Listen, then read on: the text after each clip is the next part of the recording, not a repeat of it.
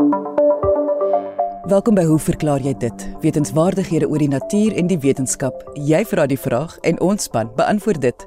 My naam is Lise Swart en ons paneelkenners vandag is teoretiese fisikus professor Hendrik Geier en herpetoloog professor Lefras Meton. As jy 'n vraag het, stuur jou e-pos na lise, dit is L I S E, lise by rsg.co.za. Ons gaan vandag begin met 'n vraag van Chris Stein wat beantwoord gaan word deur teoretiese fisikus professor Hendrik Geier.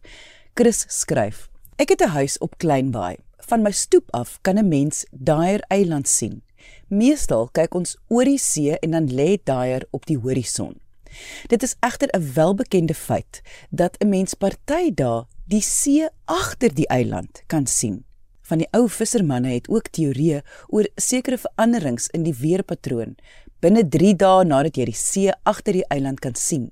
Ek het onlangs twee fotos geneem om aan jou paneel van kenners te vra hoe dit moontlik is dat indien 'n mens op dieselfde plek staan, jy partykeer die see duidelik agter die eiland kan sien en partykeer nie. Ek bevestig dat beide hierdie fotos geneem is van presies dieselfde plek met dieselfde kamera, maar 2 dae uitmekaar. En vir ons luisteraars wil ek net sê hierdie foto's is natuurlik beskikbaar op RSG se webwerf gaan net na rsg.co.za. Professor Geier, wat is die verklaring hiervoor? Goeiemôre Lize. Uh dag sê aan Christyn en uh al die ander luisteraars. Uh Chris, uh, ek moet jou sê jy het my nou nogal laat kopkrap met hierdie vraag van jou, maar ek dink uiteindelik het ek nog 'n mooi storie om vir jou te vertel. Nou om by 'n antwoord of of 'n verklaring hiervoor uit te kom, Chris, het ons nou 'n paar stukkies fisika en wiskunde nodig. Die eerste een is om net vir mekaar te sê wat weet ons nou van waar jy vandaan kyk en ver is daai eiland van jou af. So ek kon nagaan dat daai eiland word uh, dit word aangedui dat dit omtrent 8,5 km van Kleinbaai is. Uh jy ek neem aan jy is feitelik daar op die op die kuslyn. So ons kan nou aanvaar dat wanneer jy daai eiland op die horison sien, kyk jy 8,5 km ver oor die see. Nou ons het al 'n slag gepraat sommer net oor die vraagie as jy nou op strandvlak staan, um, hoe ver kan jy oor die oseaan sien en luisteraars sal dalk onthou. Uh dis nie te moeilike somme as mense net klein bietjie uh meetkunde van skool onthou en meer spesifiek Pythagoras se stelling nie. Hoe werk 'n mens uit hoe ver kan jy sien? Al jy neem aan die aarde is 'n perfekte sirkel, sy gemiddelde straal is 6378 km. En wat jy nou doen is jy trek twee strale. Die een is direk na die punt waar jy staan en 'n mens neem nou aan 'n tipiese ooghoogte vir iemand wat 1,8 meter is, is so 1,7 meter bo kan die aardoppervlak. Van daar af trek jy 'n raaklyn na hoe ver jy natuurlik kan sien en daar sluit hierdie raaklyn by 'n ander straal van die aarde aan. En soos ons nog in skool meetkunde weet, daai raaklyn is loodreg op die tweede straal. En nou kan mens Pythagoras se stelling gebruik om uit te vind hoe ver sien jy nou van jou oog tot by daai raaklyn. En die antwoord is vierkantswortel van twee dinge wat jy bymekaar moet tel. Die een is 2 keer die radius van die aarde vermenigvuldig met jou hoogte of ooghoogte En die tweede term is die ooghoogte kwadraat. Nou duidelik is die ooghoogte kwadraat baie kleiner as die produk van die radius van die aarde maal jou hoogte. So mense kan vir alle praktiese doeleindes sê die formule om te gebruik hoe uh, om uit te vind hoe ver jy kan sien is 3,57 maal die vierkantswortel van jou hoogte of ooghoogte uitgedruk in meter en daai antwoord is in kilometer. So as 'n mens nou die vraag vra, waar kan jy sien as jy Die strand staan het ons destyds gesê mense kan omtrent so 4,7 dalk 5 km ver sien. Nou Chris kan nou vir daai eiland sien, dit lê 8,5 km ver. Dan kan mens natuurlik die sommetjie omkeer en sê hoe hoog moet hy nou bokant seevlak staan om so ver te kan sien? Nou dieselfde sommetjie sê vir my dis omtrent so 5,7 meter. Dit beteken as jy nou sy ooghoogte aftrek, sy stoep waarop hy staan en die fotos vandaan neem is omtrent so 4 meter bo kan seevlak. Ek hoop dit klop met wat jy ook weet van waar jy die fotos geneem het, Chris. So dis die een stuk inligting. En die ander een is is 'n bietjie meer spesifiek, fisika spesifiek. Ons moet onthou dat as lig van een medium na 'n ander een voortplant waarvan die brekingsindekse verskil, dan word die voortplantrigting verander. Die situasie waarmee die meeste mense dink ek vertroud is is as jy 'n stok in helder water indruk sê maar in 'n swembad kant, dan lyk dit of die stok daar waar hy by die water insteek gebuig is. En die rede hiervoor is dat die rigting van die lig word beïnvloed na mate die berekingsindekse verskil en daar is 'n wetmatigheid sogenaamde snelse wet wat vir jou presies sê uh, hoeveel die lig gebuig kan word. En skep dit 'n verkeerde indruk as jy sê buig eintlik moet jy maar net sê die voorplant rigting verander. In elk geval vir lig wat tipiese berekingsindeks van omtrent 1,0003 by gewone temperatuur en druk, dit wil sê omtrent 20 grade Celsius in atmosfeer, as dit nou 'n ligstraal in water inskyn, dan word hy gebuig na die normaal toe. Die normaal is die lyn wat jy trek loodreg op die skeidingsvlak. En snelse wet uh, sê vir jou dat die uh verhouding van die twee brekingsindekse is ook die verhouding van die sinusse van die invalshoek en die uh, weerkaatsingshoek. Die belangrike punt is as die brekingsindeks verander, dan word die rigting waarin lig voortplant ook verander. Ons het al 'n slag gepraat oor die verskynsel van uh, lugspieeling, met ander woorde uh op 'n baie warm dag as jy oor 'n teer oppervlak byvoorbeeld uitkyk, uh dan lyk dit asof die of dit wat jy sien so 'n bietjie van 'n deviasie het. En dikwels sien jy ook iets wat lyk soos 'n poel water of 'n dam water pure blou en mense lees baie oor mense wat in die woestyn verdwaal het wat uh, deur hierdie ligspieeling uh, geflous is onder die indruk dat hulle naby water is. En wat hulle eintlik sien is die blou lug. Want omdat die brekingsindeks van lig afhang van die digtheid van die lug en dit so is dat Hoe groter die digtheid, hoe groter is die brekingsindeks, beteken dit dat naby die grond waar dit warmer is en die digtheid van lug laer is as hoër op, uh, verander die brekingsindeks na mate jy nou van onder naby die grond verder boontoe in die lug opgaan, dit word al hoe groter. So dis natuurlik 'n kontinue verandering. Anders is die baie mooi skeidingsvlak tussen water en lug, maar nietemin die effek is dieselfde, naamlik dat soos wat lig deur hierdie opeenvolgende laag skyn word die lig gebuig en letterlik is dit so dat dit wegbuig van die oppervlak van teer of warm oppervlak waarna jy kyk en dit is hoekom jy eintlik die blou lig sien jou oog interpreteer natuurlik die plek waarvandaan hierdie inligting kom word teruggeprojekteer en jy dink jy kyk af op water byvoorbeeld uh, in elk geval iets blou Uh en terloops as dit nou byvoorbeeld 'n bergreeks is waarna jy sou kyk, dan sou jy agterkom die ding lyk ook onderste bo. Belangrike punt is na mate lig deur lig laag skyn wat verskillende digthede of verskillende temperature het, uh, word dit gebuig en wel op so 'n manier dat die lig wat skuins na jou toe aankom eintlik opgebuig word. So, as 'n mens nou die vraag vra, wat is die toedrag van sake as jy nie luglaag het wat van onder af die onderste laag die warmste is en kouer word boontoe nie, maar omgekeerd, wanneer die onderste luglaag koudste is, wel dan is die effek hiervan op 'n ligstraal dat dit afgebuig word, uh, wat begin insien dat as jy lig na jou toe sien aankom oor laag van lug waarvan die onderste een koud is, dan word die lig afgebuig en nie opgebuig soos in die geval van 'n gewone lugspieeling waarmee mense die meeste vertroud is nie. Dit beteken natuurlik jy kan verder sien as die geometriese horison.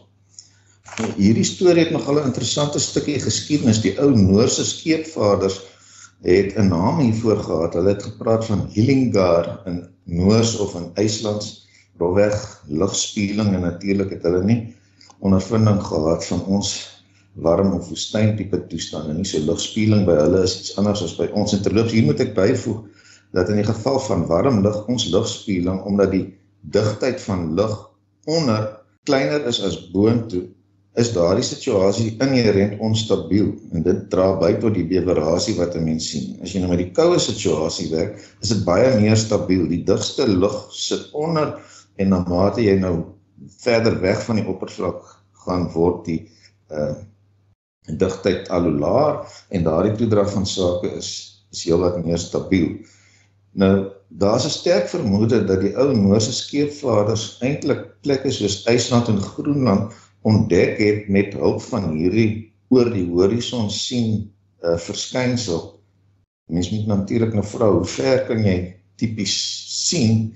En hoe ver is Noorwe sê maar van IJsland? Wel die afstand is omtrent 1470 km Maar dit is byvoorbeeld opgeteken hier in die, in 1939, Julie 1939 spesifiek opgeteken met 'n skeepskaptein van Fairbanks in Alaska, ene kaptein John Bartlett op 'n tog na IJsland by by geleentheid of op daardie stadium berge op IJsland kon identifiseer terwyl dit nog 'n goeie 500 km weg was. So dit is 'n beduidende ekstra afstand wat 'n mens onder ideale omstandighede kan sien as die onderste luglaag of die oppervlak wat die lug beïnvloed uh, baie koud is en warmer word na boontoe.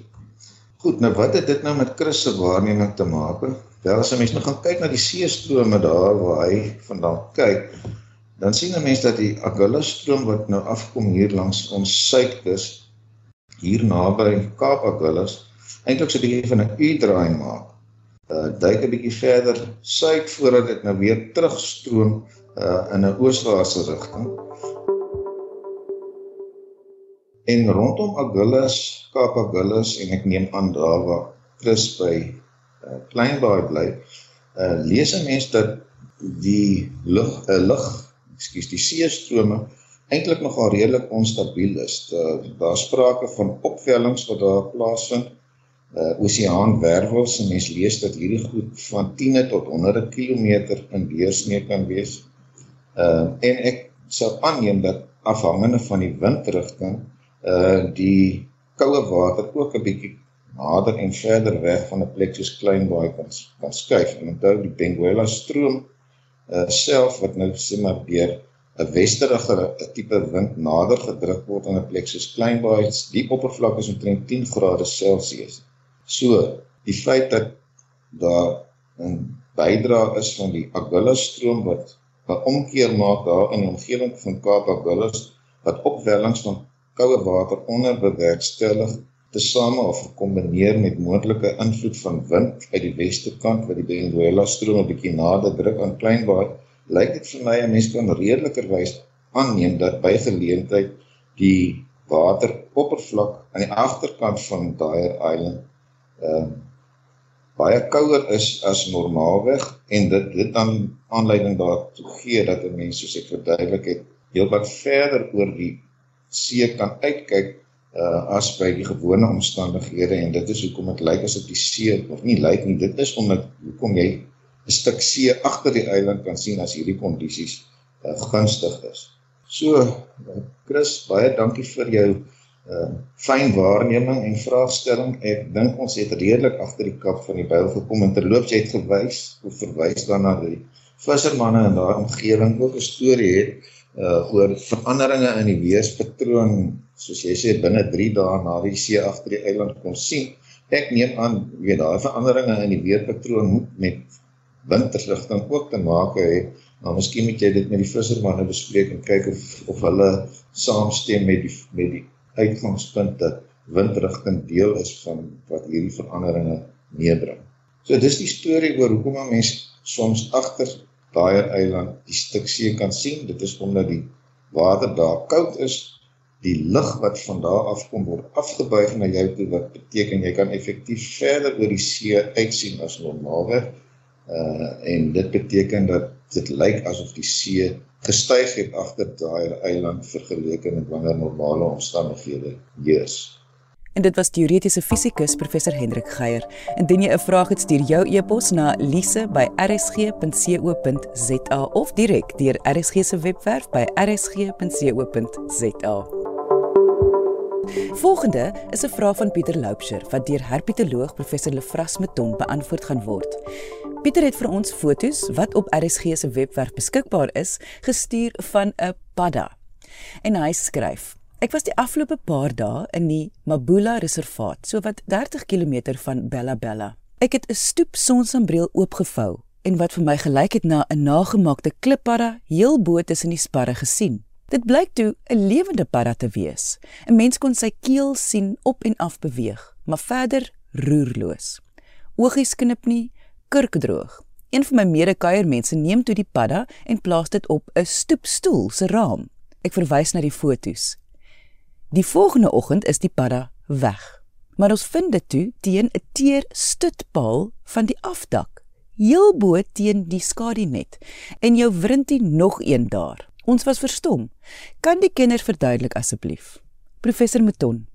Pieter, die padda wat jy daar in die Mabula reservaat gesien het, is die groot grys skuimnespadda. Ja, dis 'n hele mond vol. Sy wetenskaplike naam is Chiromantis zerampelina. Nou Zero, dis nog met 'n X gespel, is die Grieks vir droog en Zerampelina verwys nou na die droë grys voorkoms van hierdie hierdie padda, net soos 'n stuk droë hout. Jou waarneming oor die droë voorkoms van die padda is dus in die kol gewees. Hierdie skuimnespadda is sekerlik een van die mees interessante paddas wat ons hier in Suid-Afrika kry. Van die vier soorte wat ons kry, word net een, naamlik die die groot grys skuimnespadda in Suid-Afrika aangetref. Uh dis nou in Limpopo, deur Swaziland, Mosambiek tot daar in die noordelike dele van KwaZulu-Natal. Dit is 'n boomlewende padda en hy het sulke groot hegskywe op die punte van sy tone en vingers en dit maak hom dan nou 'n uitstekende klimmer. Dit verklaar dan nou Pieter, hoekom jy die padda hoog bo die grond, eers teen die stoepsambreel se sparre en toe later ook hoog op teen die teerpaal gesien het. Nou Die skuimnespadda is die grootste van die boomlewende paddas wat ons hier in Suid-Afrika kry. Die wyfies wat terloops baie groter as die mannetjies word, kan so 100 mm in lengte word. Die padda is baie goed aangepas by droë toestande in bo in die bome, maar hulle besoek gereeld waterbronne, maar mense sal hulle nou nie somme aldag binne in water sien nie en hulle is ook nie eintlik swemmers nie. Hulle soek wel al dikwels skuilings in koel plekke by huise soos verandas en badkamers. Gedurende die nag verlaat hulle dan nou hierdie skuilplekke om te gaan kos soek en dan gedurende die broeiseisoen natuurlik ook om te te gaan paar en dan keer hulle nou voor sonop weer terug na die na hul skuilplekke. Die twee paddas wat Pieter nou die betrokke in oggend saam gesien het, was nie om te paar nie, hulle het maar net dieselfde gerieflike skuilplek eh, by die opstel opstal benut. Gedurende die broeiseisoen sit hierdie paddas baie dikwels heeltemal in die oopte uh, op boomtakke in die in die son met die voete wat nou onder die lyf ingevou is om uitdroging te verminder. Op die fotos wat uh Pieter gestuur het, kan mens jy sien hoe die voete so onder die lyf ingevou is. Die padda se kleur verander dan nou van sy grys normale kleur na amper wit kleur uh ook mens kan dit ook op die foto sien om dit is nou om lig en sonstrale te reflekteer. Wanneer dit nou baie warm is, sekreteer die padda klein druppeltjies uh vog, vloeistof op die veld uh op die vel wat dan nou verdamp en die padda afkoel. Om water te bespaar, kan die skuimnespadda ook uh, sy stikstof afvalprodukte dis nou van van proteïen metabolisme in die vorm van urinesuur uitskei net soos uh, wat uh, slange en akedisse doen en daarvoor is mos geen water nodig nie. Normaalweg skei die die paddas die afvalprodukte in die vorm van urium uit en waarvoor baie water nodig is. Nou kom ons by die interessante deel dit uh uh stukkie van hierdie uh, paddas. Dit is naamlik hoe broeityd wat dan gebeur. Dit is vanaf Oktober tot Februarie en wanneer dit donker word in die aand, dan gaan soek die mannetjies 'n geskikte roepplek uh op boomtakke en dit is belangrik wat bo oor water hang. En wanneer een mannetjie nou begin roep, uh sal die ander mannetjies naby aan hom, nader aan hom beweeg en dan ook saam begin uh om te roep. Anders as by die meeste ander paddas is die mannetjies nie aggressief teenoor mekaar nie. Uh om ware te sê hulle werk saam. Wanneer 'n wyfie opdaag, sal een van die mannetjies die wyfie vasgryp om te paar. Ons sê hulle gaan in amplexus. Uh terwyl die ander mannetjies dan nou nader aan die paard toe beweeg. Die wyfie begin nou 'n vloeistof deur haar kloake af te skei en dan uh, sy en die mannetjies trap dan nou met hulle agtervoete of hulle klits met hulle agtervoete hierdie vloeistof in so 'n skuimbal op. Na so 15 minute begin sy om haar eiers in die skuimbal te lê terwyl sy nou nog steeds voortgaan om ook van hierdie uh, vloeistof af te skei tot so 1200 groot roomkleurige eiers word in die skuimnes gelê. Die eiers kan nou uh deur die sperm van verskeie mannetjies wat nou aan hierdie nesbouproses deelneem bevrug word. Dit is dan nou 'n uh, voorbeeld van wat ons noem polyandrie of veelmannigheid. Een een wyfie en meer as een mannetjie. Die Nesbou proses neem die grootste gedeelte van die nag en die wyfie sal so een of twee keer gedurende die nag dan nou haar losmaak van die mannetjie wat met haar in amplexus is uh, en dan afgaan na die water toe om 'n bietjie uh, te hidreer, water op te neem en wanneer sy terugkom, gaan sy dan nou gewoonlik met 'n ander mannetjie in amplexus. Die volgende aand sal die wyfie alleen na die skuimnes terugkeer om dan nou nog skuim by te voeg. In sommige gevalle kan die neste van verskillende paringsgroepe wat nou naby mekaar uh, doenig was, nou saamsmelt om so een groot skuimnes te vorm. So is daar al gevind dat tot 20 wyfies en soveel as 50 mannetjies saamgewerk het om 'n enkele groot skuimnes te bou. Die bevrugte eiers ontwikkel nou binne in hierdie skuimnes die buitenste laag van die skuimbal verhard om die ontwikkelende paddavissies dan nou teen hitte en uitdroging te beskerm en sekerlik ook teen sekere roofdiere. Na so 6 dae wriemel die paddavissies dan nou af in die skuimbal tot onder waar die harde kors dan nou versag en hulle toelaat om in die water te val waar die res van die ontwikkeling tot volwasse paddas dan nou sal plaasvind.